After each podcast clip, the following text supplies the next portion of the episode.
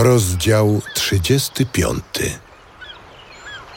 Zabrał głos Elichu i rzekł Czy uznajesz za słuszne to, co rzekłeś?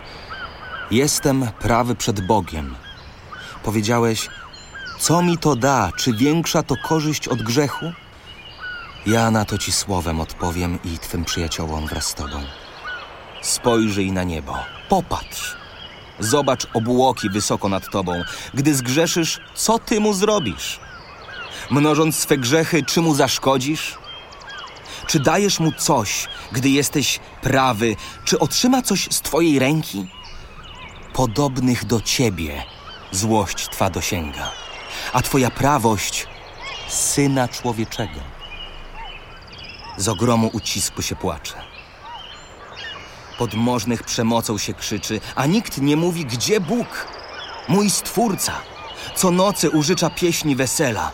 Uczy nas więcej niż dzikie zwierzęta, mądrzejsi jesteśmy od ptaków podniebnych. Wołania są bez odpowiedzi ze względu na pychę nieprawych. Zaiste tego, co czcze, Bóg nie słucha. Na to wszechmogący nie zwraca uwagi. Jeszcze mniej, gdy mówisz, że go nie dostrzegasz.